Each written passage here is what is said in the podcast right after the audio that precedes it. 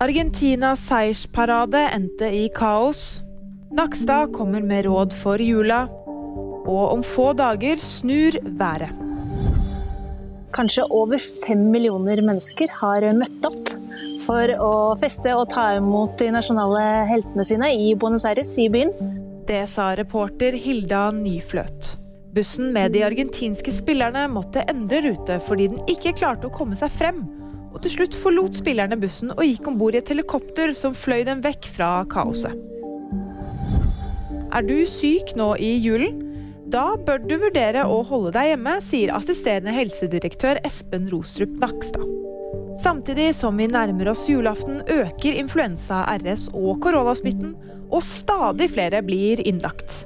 Nakstad sier at hvis man blir syk med influensa, covid-19 eller andre luftveisinfeksjoner, er det lurt å holde seg hjemme fra juleselskaper og andre arrangementer.